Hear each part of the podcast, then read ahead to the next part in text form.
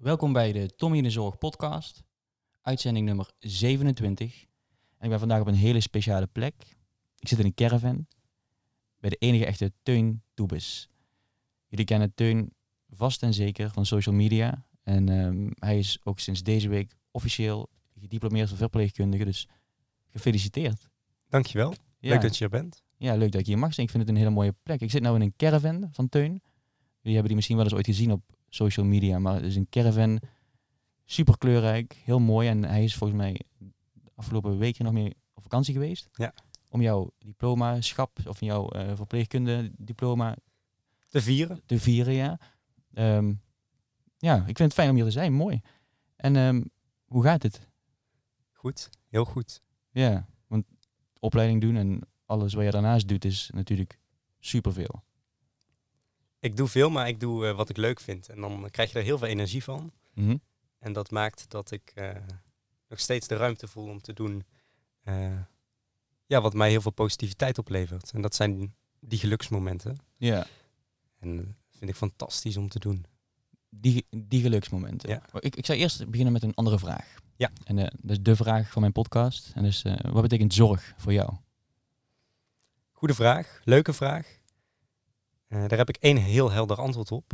Eh, dat is het kunnen zijn of het hebben van een steun en toeverlaat.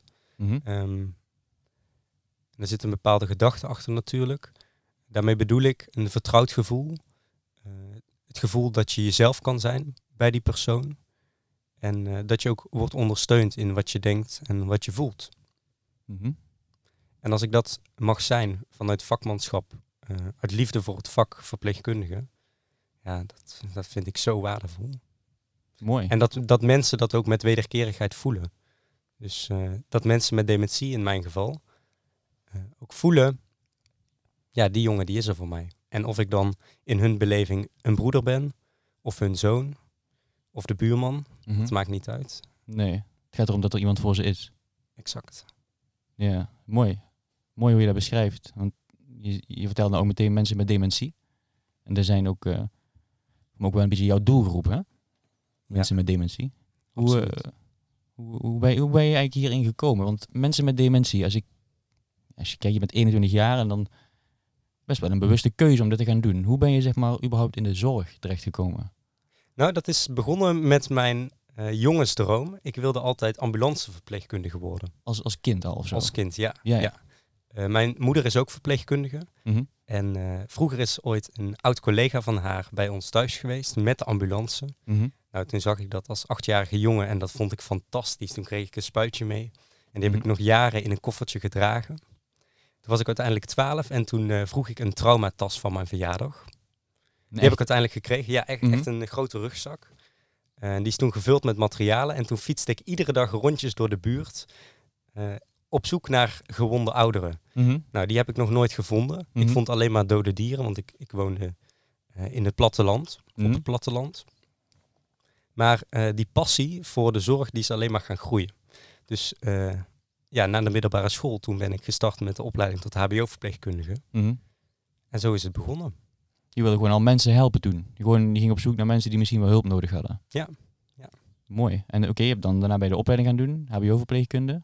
Sinds deze week dan echt officieel helemaal klaar. Ja. Heel fijn, denk ik. Zeker. En dan kies je heel bewust voor mensen met dementie. Ja, en dat was in eerste instantie geen hele bewuste keuze. Ehm, ik wilde altijd de spoedeisende hulp op om ervaring op te doen. Mhm. En toen hoorde ik in het eerste jaar van de opleiding dat ik een verplichte stage moest doen in het verpleeghuis. Oké.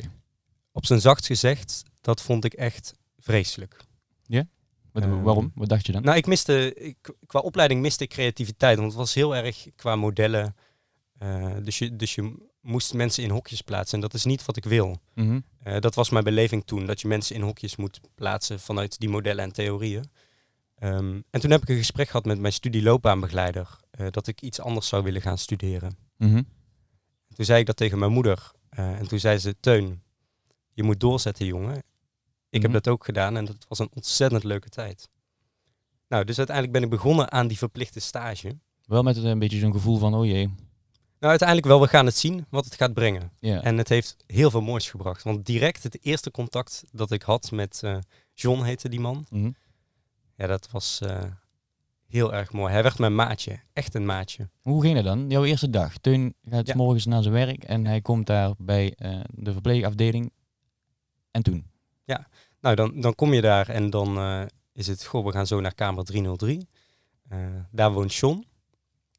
Nou, en ik zag John voor het eerst en ja, een hele markante man. Hij eh, was de vrouwenverslinder van de afdeling. Mhm. Hij had Parkinson-dementie, dus hij schuifelde vaak over de gangen. Dan had hij van die vrolijke sokken aan over zijn steunkous tot aan de lies. Dus dat vond ik ja, altijd heel bijzonder om te zien. Mhm. Had een snor en uiteindelijk was ik de enige eh, persoon binnen het, het verpleeghuis die zijn snor mocht knippen. Mhm. Oké. Eh, dus zo is die band eigenlijk gaan, gaan groeien.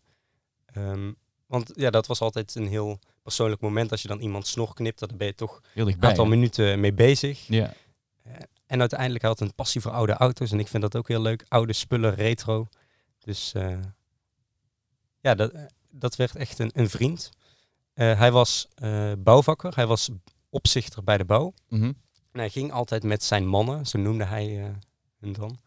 Ging hij op vrijdagmiddag naar een fastfoodrestaurant om daar een hamburger te gaan eten. Mhm. En uiteindelijk heb ik dat dus ook een keer gedaan. Maar door zijn Parkinson viel hij steeds terug bij mij op de stoel. Dus dan duwde ik hem tijdens de rit weer terug. Mhm. Maar dat waren hele grappige momenten. Ehm, en juist in die momenten dat we, dat we plezier hadden, voelden we ons zelf heel verbonden. Dus Mhm. ik kreeg steeds meer zin om hem iedere dag te gaan zien. Ja, en uiteindelijk heeft dat gemaakt dat ik eh, niet meer weg wil uit de verpleeghuiszorg. Maar je zegt nou iets ook van, je ging met hem in de auto. En ehm, dat, dat doen niet alle collega's, denk ik. Even die mensen meenemen. Hoe, eh, dat vind ik wel mooi. Dat zegt al iets over jou. Dat jij je verder denkt dan daar de hokjes van een verpleeghuis. Nou ja, het gaat er denk ik niet zozeer over wat collega's wel of niet doen. Want ik denk iedere verandering of gedrag dat begint echt bij jezelf. Dus Mhm. Ehm, misschien is dat ook wel iets heel krachtigs van eh, jongeren, van, waarom we stagiaires zo moeten waarderen. Mhm. Ik had er helemaal niet bij stilgestaan dat je officieel een inzittende verzekering moet hebben. Ja, Ik heb het gewoon gedaan. Ja, maar, maar dat vind ik mooi dat je zo al denkt. Van, ehm, dat, het niet, dat je niet meteen al ehm, afgestompt raakt of zo door de normale gang van zaken. En dat je al zo denkt van, oké, je kunt met die man toch gewoon even iets gaan doen. Ook buiten deze muren. Ja, klopt. Mm, oké, maar dat vind ik echt heel mooi. En wat, wat zeiden de collega's daarvan? Wat Zij vonden dat ook heel leuk, want ik had Mooi. daar direct een video van gemaakt. Mhm, En dat was ook wel een emotionele video, want hij vertelde bijvoorbeeld over de zelfmoord van zijn zoon. En Mhm. John was geen prater. Op de bouw eh, werd niet veel gesproken. En uiteindelijk hoorde ik van zijn zoon Mark eh, dat ik echt wel een hele bijzondere band had met zijn vader, omdat eh, zijn zoon, eh, zijn andere zoon, zelfmoord had gepleegd een aantal jaar terug. En dat John mij steeds meer als zijn zoon ging zien. Hij ging hele persoonlijke dingen delen. mhm, En ik heb nog steeds contact met Mark, mhm, de zoon van John. John is inmiddels overleden. Eh, en ik ben eh laatst een keer met hem eh, ook een hamburger gaan eten. Met zijn kinderen. mhm. Dus zo blijven we John herdenken. Dat is mooi hoor. Dat is echt heel mooi. Dus Oké, dus het is al meteen best wel intens hoe je dan, dan daar ehm, in zo'n verpleeghuis, wat er dan ontstaat. En daar, ik, ik snap jouw motivatie dan wel. Ja, nou, wat ik vooral denk is dat ik...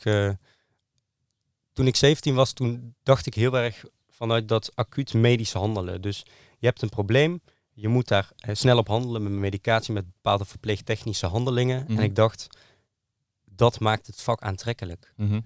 En toen kwam ik er in mijn eerste stage achter dat het echt gaat om dat contact.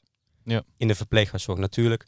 eh, als iemand op de SEH binnenkomt, dan is het ook wel belangrijk dat de ABCDE-methode wordt doorlopen. Mhm. Eh, maar in de verpleeghuiszorg vond ja, dat, dat contact, dat, dat stond, staat nog steeds voorop. Maar ook echt waar, er wordt ook nog steeds onderschat, denk ik, op, ehm, op zo'n IC of zo bijvoorbeeld. Hè?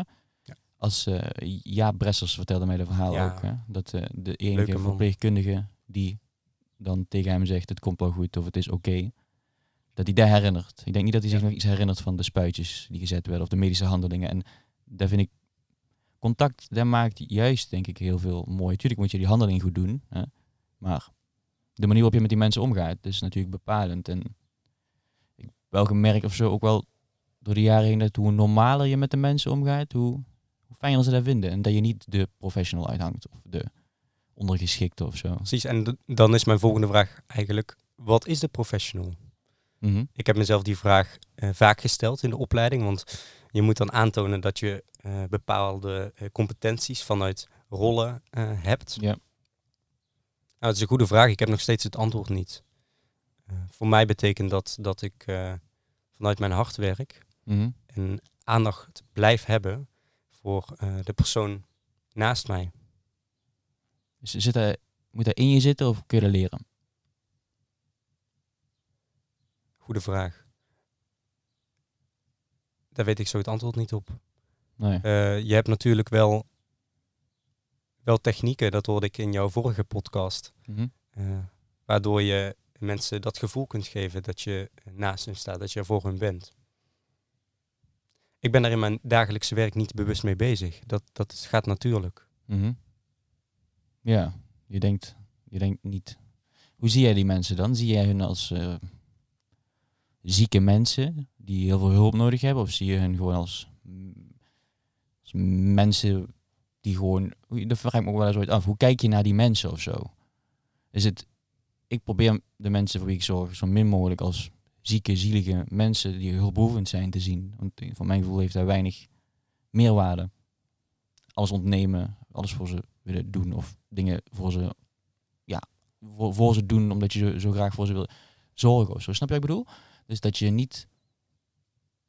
Bij mensen met dementie is het heel vaak zo dat dingen overgenomen worden, toch? Van, oh ja, dat kun je niet meer, doen wij wel voor jou. En Ja. probeer het... Ja, hoe, hoe, hoe, zie- hoe zie jij dat dan? Nou, ik vind het zelf altijd wel fijn om te weten eh, welke vorm van dementie iemand heeft, omdat dat wel iets zegt over de benadering Mhm. eh, die je hebt naar de mensen toe. En bepaalde gebieden wat mensen zich juist wel en niet herinneren.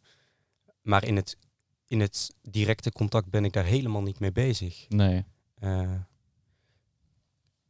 dan zie ik hun natuurlijk gewoon als iemand zoals jij en ik. Ja. Eh, ja, en ze, ze hebben een, eh een dementiesyndroom. Mhm. Maar er is nog zoveel dat hun op een positieve manier prikkelt in het leven. En, en daar richt ik mezelf juist op. Ja, ze zijn niet die dementie, hè? ze hebben dementie. Exact. Ja.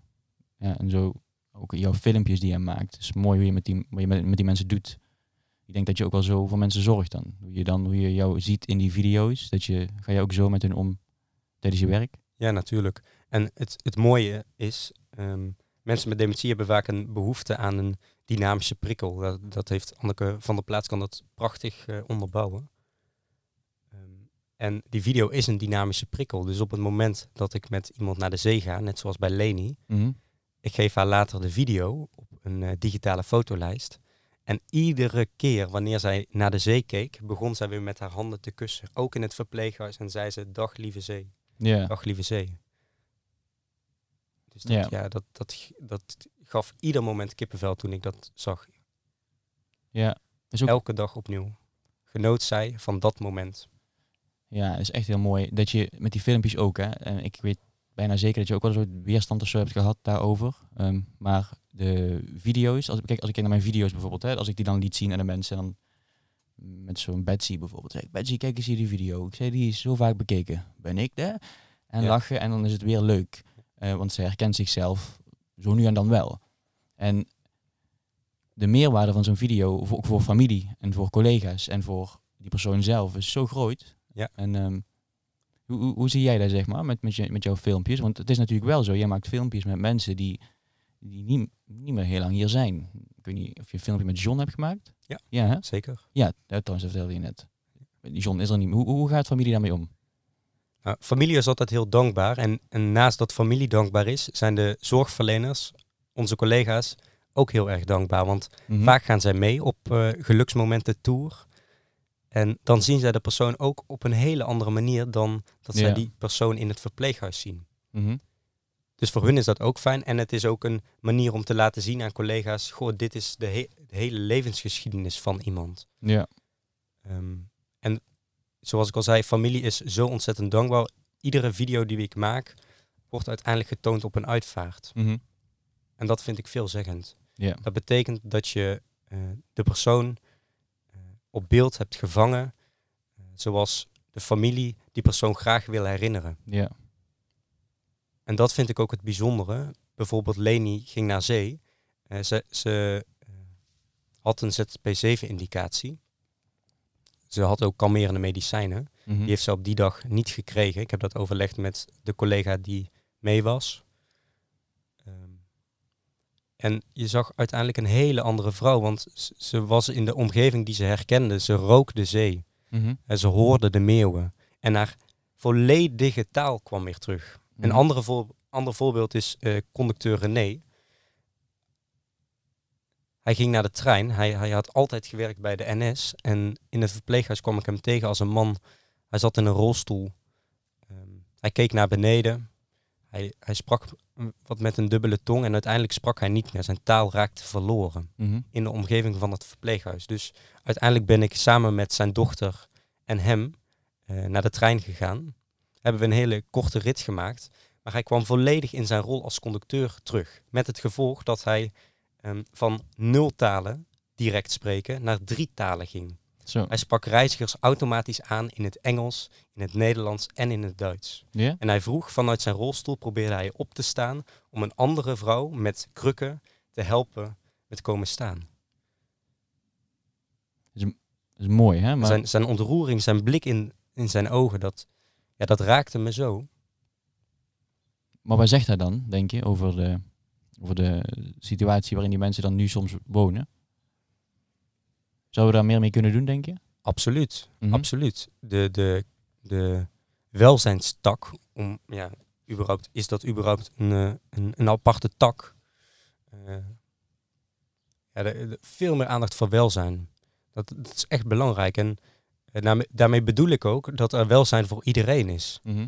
Ehm, welzijn kan niet alleen maar worden verhaald op bijvoorbeeld een subsidie van 68 euro in de maand.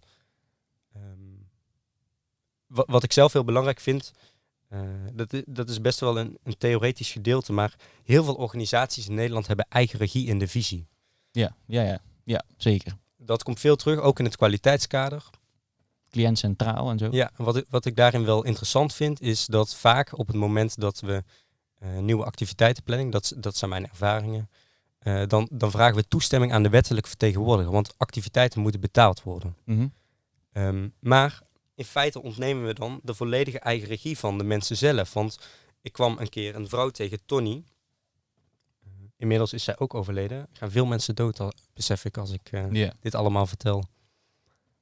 Zij werd geweigerd bij een activiteit omdat, eh, later ben ik dat na gaan vragen, omdat eh, er geen toestemming was, er was niet betaald. Mhm. Ja, en toen besefte ik me wel, goh, als we overal het belang van eigen regie laten zien, dan moeten we dat ook in de directe zorg naar voren laten komen. Dan moeten we uitgaan van de autonomie van mensen met dementie. Dus als iemand zelf binnenloopt bij een activiteit, omdat haar vriendin daar zit, dan is het raar dat we ehm, bijvoorbeeld geld leidend laten zijn of iemand wel of niet mee mag doen. Ja. Ja, zeker. En- En ik vind het heel belangrijk, da- daar zet ik mezelf nog steeds voor in, dat iedereen in het verpleeghuis toegang heeft tot welzijn. En daarmee bedoel ik niet een, een klein aantal activiteiten in de week, maar iedere dag opnieuw is welzijn belangrijk. Ja. Want het heeft voor mensen met dementie weinig zin om te spreken over, over eh, één dag da- of morgen wordt u opgehaald om te gaan bloemschikken. Mensen leven in het moment, dus we moeten op het moment naar dat welzijn kijken. En daarin vind ik dat we als zorg in kunnen ondersteunen. Mhm. Ja. En welzijn zijn ook niet per se ehm, die geplande activiteiten en zo, toch? Is veel breder. Het dagelijkse leven. Ja, dat is inderdaad het welzijn. En vaak denken wij ook, we moeten die mensen eh, activeren en activiteiten en dit regelen. Terwijl is die behoefte daar wel, of zo.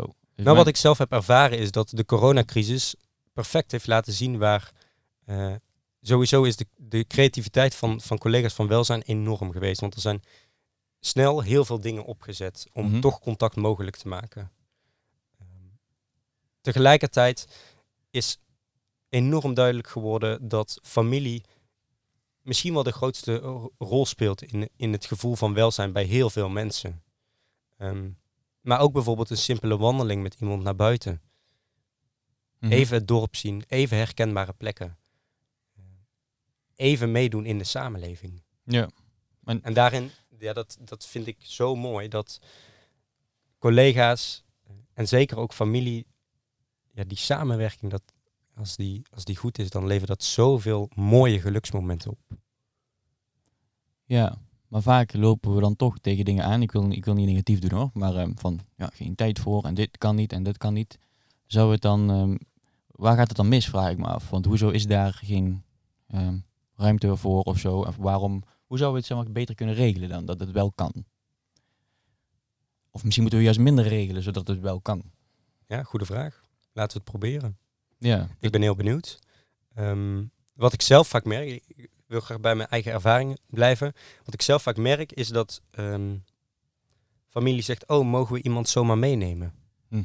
Mhm. Ehm, dus de drempel om dan iets leuks te gaan doen met iemand, die is dan al, al groot. Dus ik denk dat er voor ons een hele mooie taak ligt als zorgverleners om familie aan te moedigen om leuke dingen te gaan doen. ja, En eh, om aan te geven wat wel mogelijk is.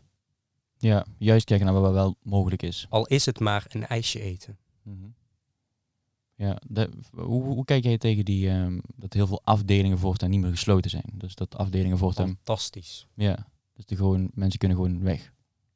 Supermooi. Ja, En ik hoop ook, ik, ik hoop eigenlijk sneller, maar dat over tien jaar eh 99% van alle verpleeghuizen in Nederland een open deurenbeleid heeft. Mhm. ja daar ben, ik, ben ik het zeker mee eens. Ik vind wel ooit dat er, er is dan weer zo'n systeem dat zorginstellingen punten of sterren kunnen behalen door het zo min mogelijk eh, toepassen van vrijheidsbeperkende maatregelen, toch? Ja. Dat moet niet het ding zijn, vind ik. Het moet om de mens gaan, toch? Begrijp je? Van dat, dat er dus, je kunt tien sterren krijgen als je bijvoorbeeld heel gast of heel erg, als je geen ehm, medicijnen zo min mogelijk voor laat schrijven die dus eh, hun gevoelsleven dempen. Of, terwijl bij sommige mensen is het echt prettig voor die mensen zelf, dat hun minder last hebben van de onrust. Snap je? Ik snap jou zeker. En, eh, maar sowieso is het mooi als deuren open kunnen. Ik zou er niet aan moeten denken om voor mijn gevoel alleen al opgesloten te zitten. Dat je de, want vaak in de praktijk zie je toch ook dat mensen niet zo ver weg gaan. Doen de deur open. Lopen misschien een stukje, maar die, gaan niet, die lopen niet naar Australië. En daarom is het zo belangrijk dat we goed weten eh, hoe je gedrag van iemand of beleving van iemand kan sturen. Het feit dat iemand een nee krijgt te horen, Mhm. dat roept weerstand op bij mensen en dan willen mensen eruit. Ja.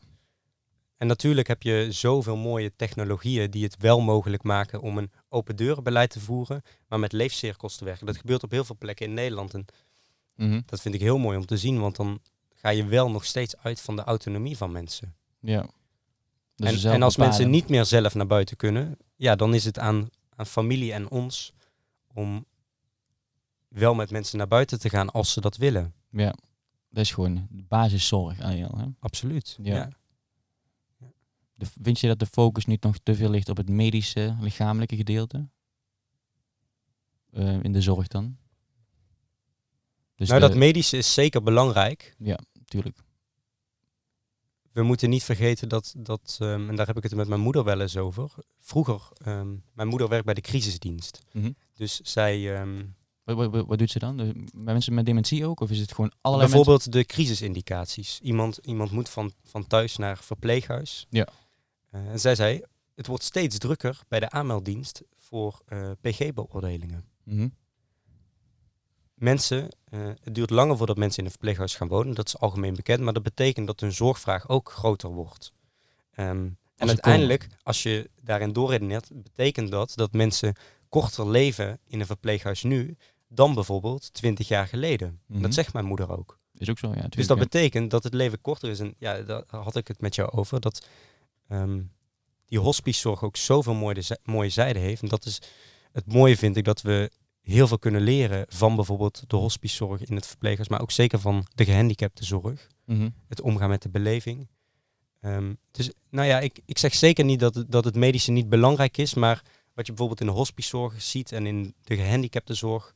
Dat het welzijn zo ontzettend belangrijk is. En dat is in het verpleeghuis ook belangrijk. Maar graag meer. Ja, ja ik denk dat daar de, de, de focus nog te veel ligt op een soort behandeling, terwijl er geen behandeling mogelijk is. En in hospice is die focus er niet op behandeling. Ja, behandeling van symptomen, van, van, van de problemen die er op dat moment zijn natuurlijk. Die, die focus is er wel, maar... Nou ja, dat is ook een beetje hoe je, hoe je het zelf invult, eh, denk ik, als zorgverlener. Eh, je kunt een PDA maken eh, met als probleem een heel lichamelijk probleem. Bijvoorbeeld iemand heeft ja, kans, op, kans op decubitus. Mhm. Iets heel eenvoudigs. Ehm, en je kunt er ook een ander eh, probleem van maken. Dat mevrouw zich soms wat eenzaam voelt. En dat gebeurt, want dat, dat zie je vaak voorbij komen als je in bepaalde dossiers kijkt. Mhm. Dus dat is denk ik ook wel de eigen creativiteit die je daaraan geeft. Familie meenemen in het zorgplan. Mhm. Ja, maar toch dat de dat op zo'n mijn vriendin werkt ook op zo'n afdeling, hè? Dus mensen met dementie en dan allerlei disciplines zijn erbij betrokken die nog mensen willen helpen. En terwijl dan denk ik ooit, is het nog wel nodig? Kun je niet beter in plaats van dat diegene fysiotherapie heeft, lekker naar de ijskoelboer gaan en daar een soft ijsje halen of zo? Dat is een hele goede vraag. Is het nog wel nodig? En dan kom je op enorme ethische dilemma's uit. Wat, wat ik vind is dat we in iedere individuele situatie moeten kijken naar wat wil de persoon. Ja. Als iemand dat nog kan beantwoorden. Ehm, maar vraag dat ook aan familie. Ja. En is het ook vanuit, vanuit een, een medisch-ethisch perspectief gewenst? Dat je bijvoorbeeld iemand uh, hele lange tijd eh, bijvoeding blijft geven. Mhm. Of vocht. Uh, eten geeft. Of vocht in deze Omdat mensen automatisch een slikreflex hebben. Mhm. Ik herinner mij nog een vrouw. Ja, je kunt dat denk ik niet zeggen, dat, dat, of dat wel of niet kan. Dat moet je echt per situatie blijven bekijken. Ja. Tenminste, dat is juist wat, wat uh, mij zo boeit in de zorg. Ik herinner mij nog een vrouw en dan ging echt soms heel... Er was een mevrouw die lag alleen op bed. Alleen op bed. En die at nog. En ze ging nog naar het toilet. Ja, ze had nog ontlasting. Ja. Plaste nog. That's it. Alleen maar dat. In zo'n matras. En zo moeilijk. Zo moeilijk. Gewoon, Maar inderdaad, altijd heel bord leeg. En maar dat doet wat met je. Dat doet, dat doet wat met jou, toch? Als je, als je haar eten geeft.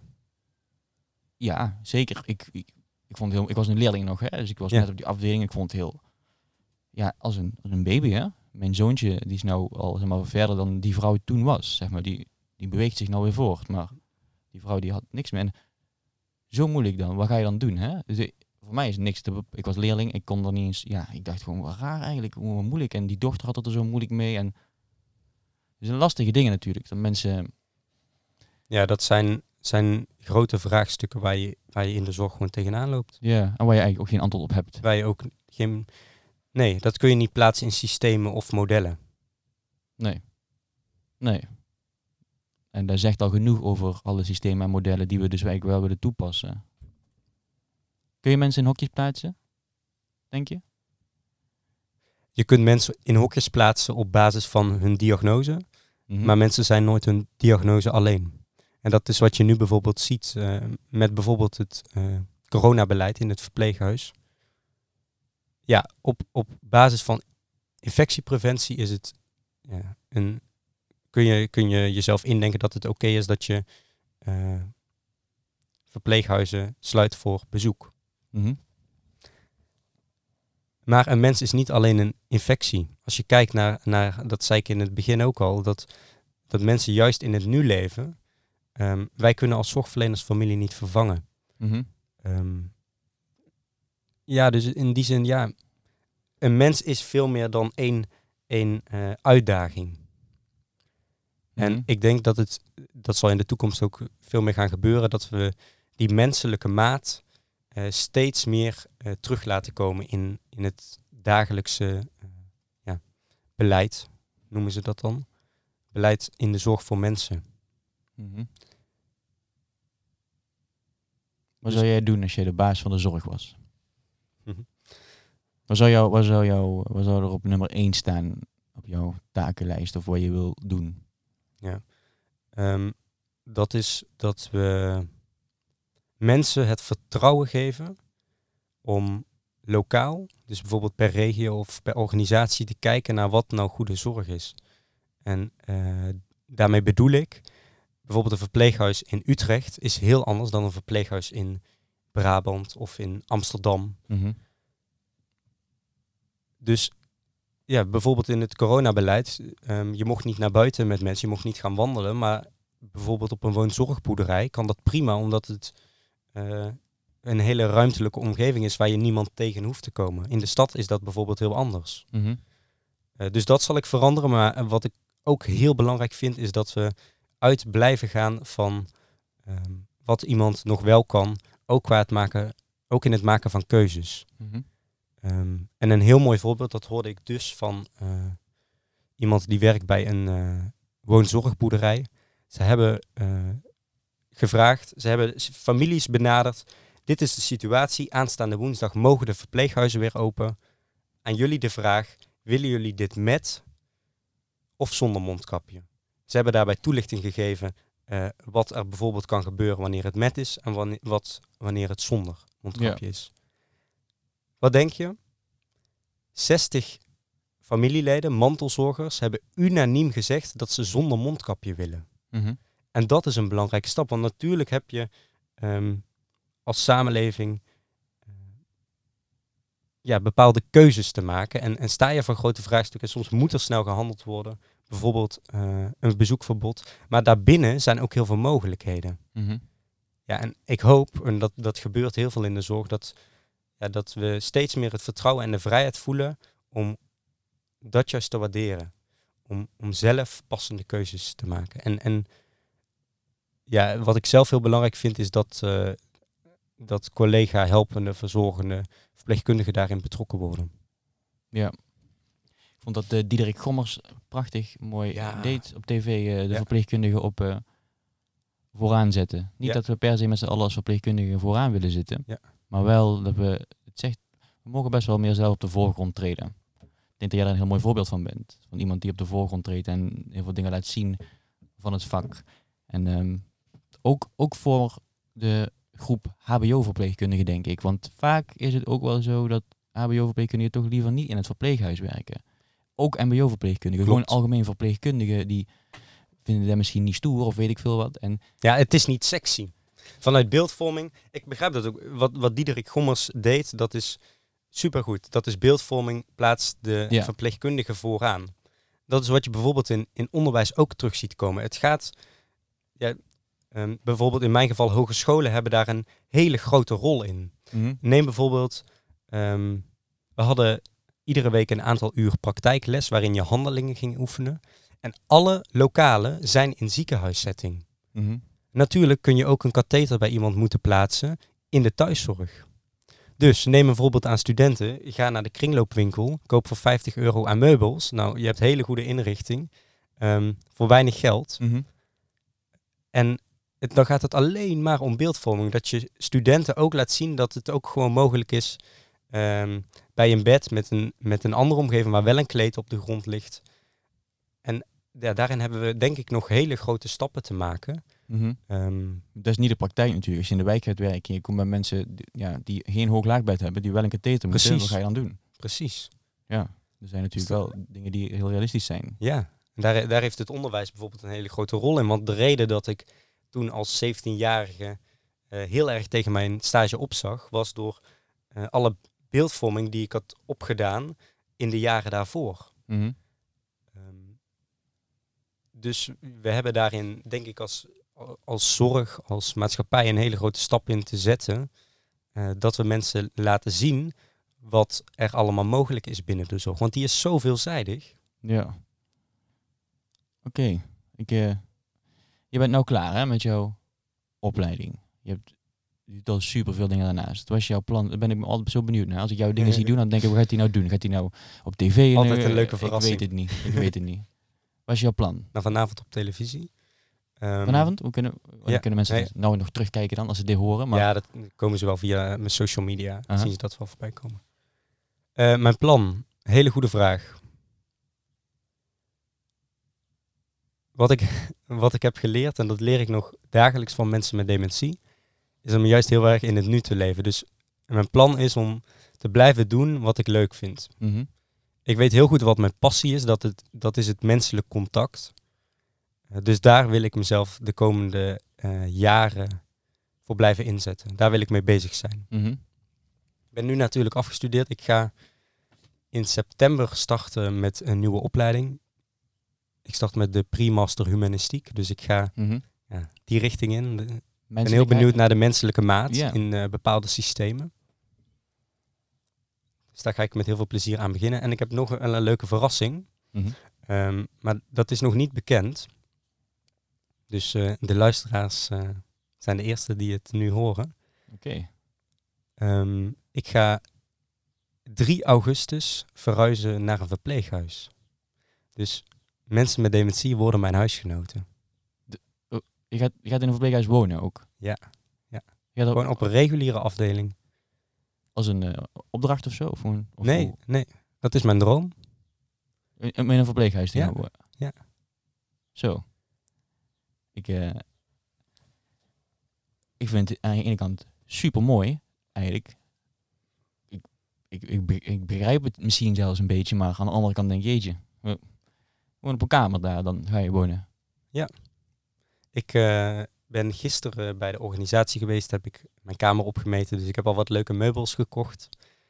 Eh, en 3 augustus verhuis ik dus. Ik heb ook kennis gemaakt met mijn medebewoners gisteren. Ja, en ik, ik heb er zoveel zin in. Ja, oké. Maar zit je daar met meer jongeren of zo? Of? Nee, nee eh, binnen die organisatie wonen verder geen jongeren. Dus het is echt in die zin heel uniek. Mhm. Ehm, en ik, ik ga ook gewoon naar dezelfde wc. Ik gebruik dezelfde douche. Je hebt een gezamenlijke douche. Nou, je weet hoe die er ooit uitzien. Tenminste, dat weet ik vanuit mijn werk. Ja, en ik, ik denk dat ik gewoon hele eenvoudige eh, dingen ga opmerken. ehm, in het dagelijkse leven.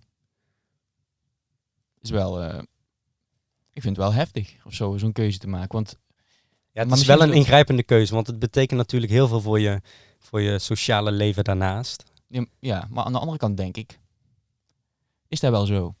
In hoeverre kun jij dan nog, moet jij een bepaalde tijd naar bed? Moet je, nee, want, nee toch? Je, Nee, natuurlijk niet. kun je op stap? Kun je bijvoorbeeld om drie uur s'nachts thuiskomen?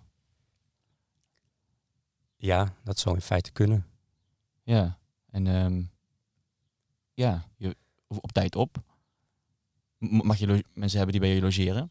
Eh, ja, Mhm. net als dat familie soms blijft slapen. Maar dan wanneer iemand vaak eh, komt te overlijden. Ja, Ehm, dat zal bij mij wat minder verwacht zijn, want Mhm. eh, ja, dat, ja, ik ben jong, dus dat is niet natuurlijk. ik vind echt respect hoor, dat je dat doet. Gewoon. En, en je, hoe ga je dat dan? Ga je dan bijvoorbeeld eh, filmpjes maken of schrijven of zo? Of ga je, iets, eh, of ga je het gewoon eerst helemaal voor jezelf doen? Daar ben ik wel benieuwd naar. Eh, ja, leuke vraag. W- Wat ik zelf heel belangrijk vind altijd, en dat doe ik nu ook heel veel zorgvuldig, is ik weet, ik maak video's over mensen met dementie. Ehm, zij werken daaraan mee. Ik vraag zelf vaak aan hun, vinden jullie het leuk als ik een video maak? Mogen jullie van tevoren zien voordat ik die Ja. bijvoorbeeld op YouTube plaats? Ehm, dus ik ben heel bewust bezig met die ethische verantwoording. Dus ik heb ook daarom eh, de keuze gemaakt om bijvoorbeeld geen omroep te benaderen. Mhm. Eh, omdat er dan hele andere belangen bij komen kijken. Dan komen er commerciële belangen bij kijken. Ja. En ja, alles wat ik doe vanuit eh mijn stichting, dat is op vrijwillige basis. Dus dan de rechten van de beelden, die blijven ook in vertrouwde handen. Mhm. Ehm, dus ja, zeker, ik ga daar filmpjes van maken, samen met de mensen. Ehm, alleen niet voor een commercieel doeleind. Nee, dat vind ik mooi. En ook omdat je dan daar ook echt kunt zijn, denk ik. Van, in hoe jij bent als mens. En dat er niet een cameraploeg is die graag sensatie eh, op hun camera willen zien. Ja. Maar daar ben ik altijd wel heel duidelijk in hoor. Als eh, media mij benadert. ehm, dat het bijvoorbeeld heel belangrijk is. En eindredacteur hebben die neiging nog wel eens om eh, andere vormen te gebruiken voor mensen met dementie. Mhm. eh, dan die ik net noemde. Ja. Ehm, dus daar ben ik gewoon heel duidelijk in. En dat kun je ook zijn. Ehm, en ik, ik vind het ook gewoon belangrijk omdat ik zoveel met beeldvorming bezig ben. Eh, Die video's staan gewoon openbaar. Eh, dat vind ik dat ik een hele grote verantwoordelijkheid heb naar de mensen met dementie en de families. Dat heb je ook. En daar ga je denk ik heel goed mee om. Ja, ik vind echt... eh, mag ik een keer op bezoek komen? Als jij Ja, je- de koffie staat klaar. Je bent van harte welkom. Ik zit ehm, einde van de gang links. Einde van de gang links. Ja. Zo. Ik vind het wel heel echt... Maar ik denk dat hij zo leerzaam is. Ik denk misschien nog wel leerzamer dan een half jaar backpacken. Ja, echt. ja, jezelf vinden in eh, Thailand. Ja, dat kan denk ik sowieso niet. Maar, dit maar gaat, eh, dit is echt... Dit, gaat heel veel opleveren. En dan in de zin van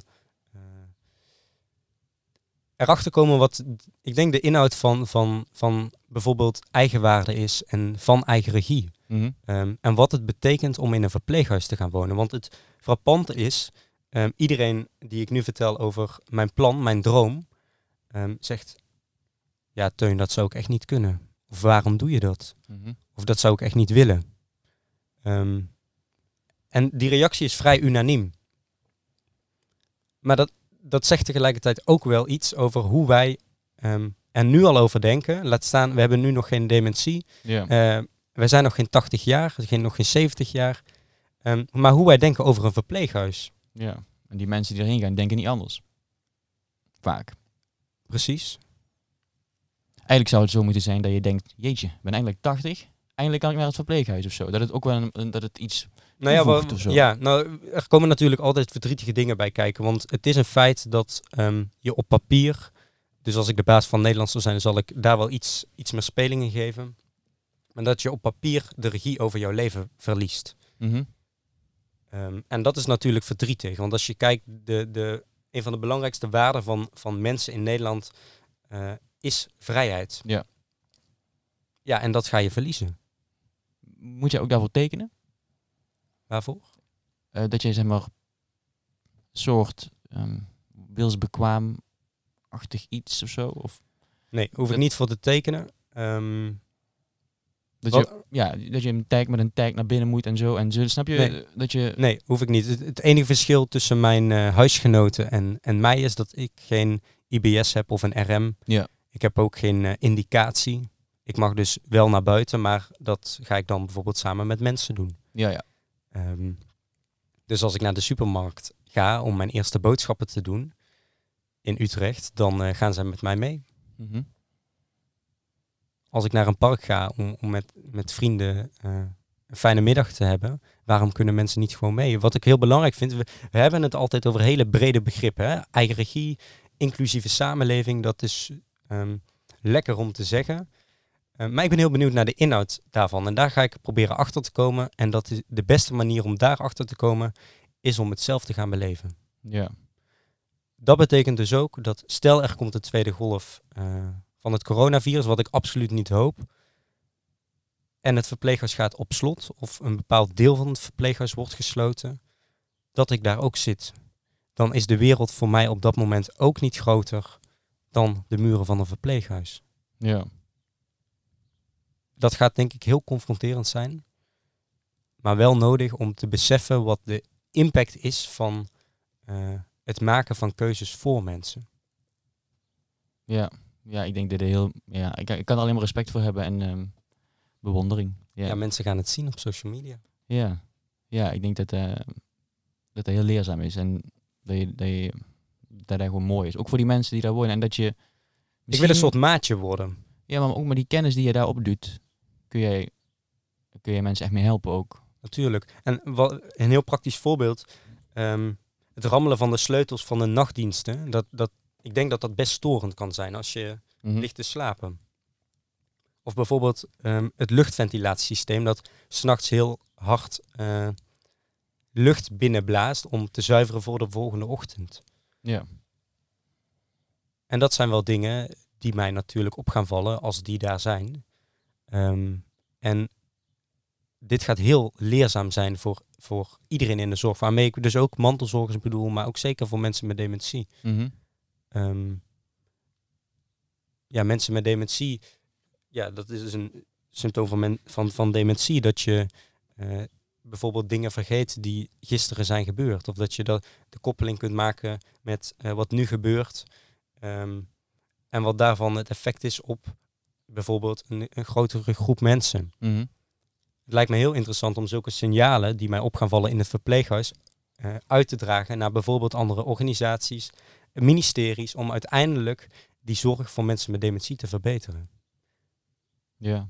ja. En dus het, het gaat heel leerzaam zijn. is er ooit gedaan door iemand? Nee, niet op deze manier. Nee.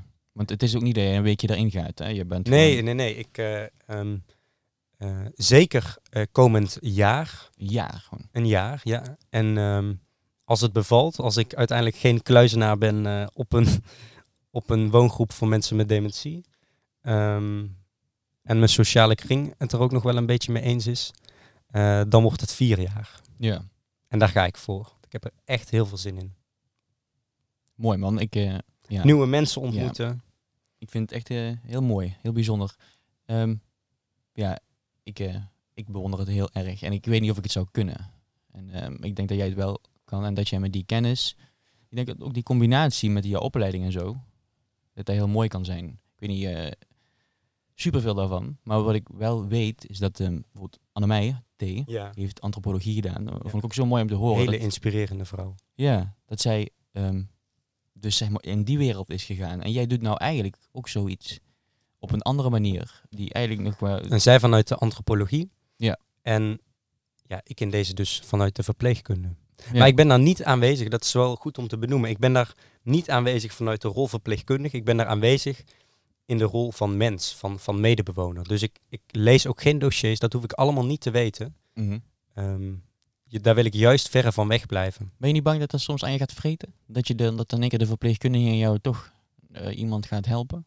Met eten, met andere dingen? Nee, Nee. dat gaat niet aan me vreten. Of dat juist de mensen die daar werken zoiets hebben van... dat kan die jongen toch ook doen misschien? Nee, nee, nee, want ik, Afspraak. ik heb gisteren, ja, gisteren Ja. heb ik eh, het team ontmoet.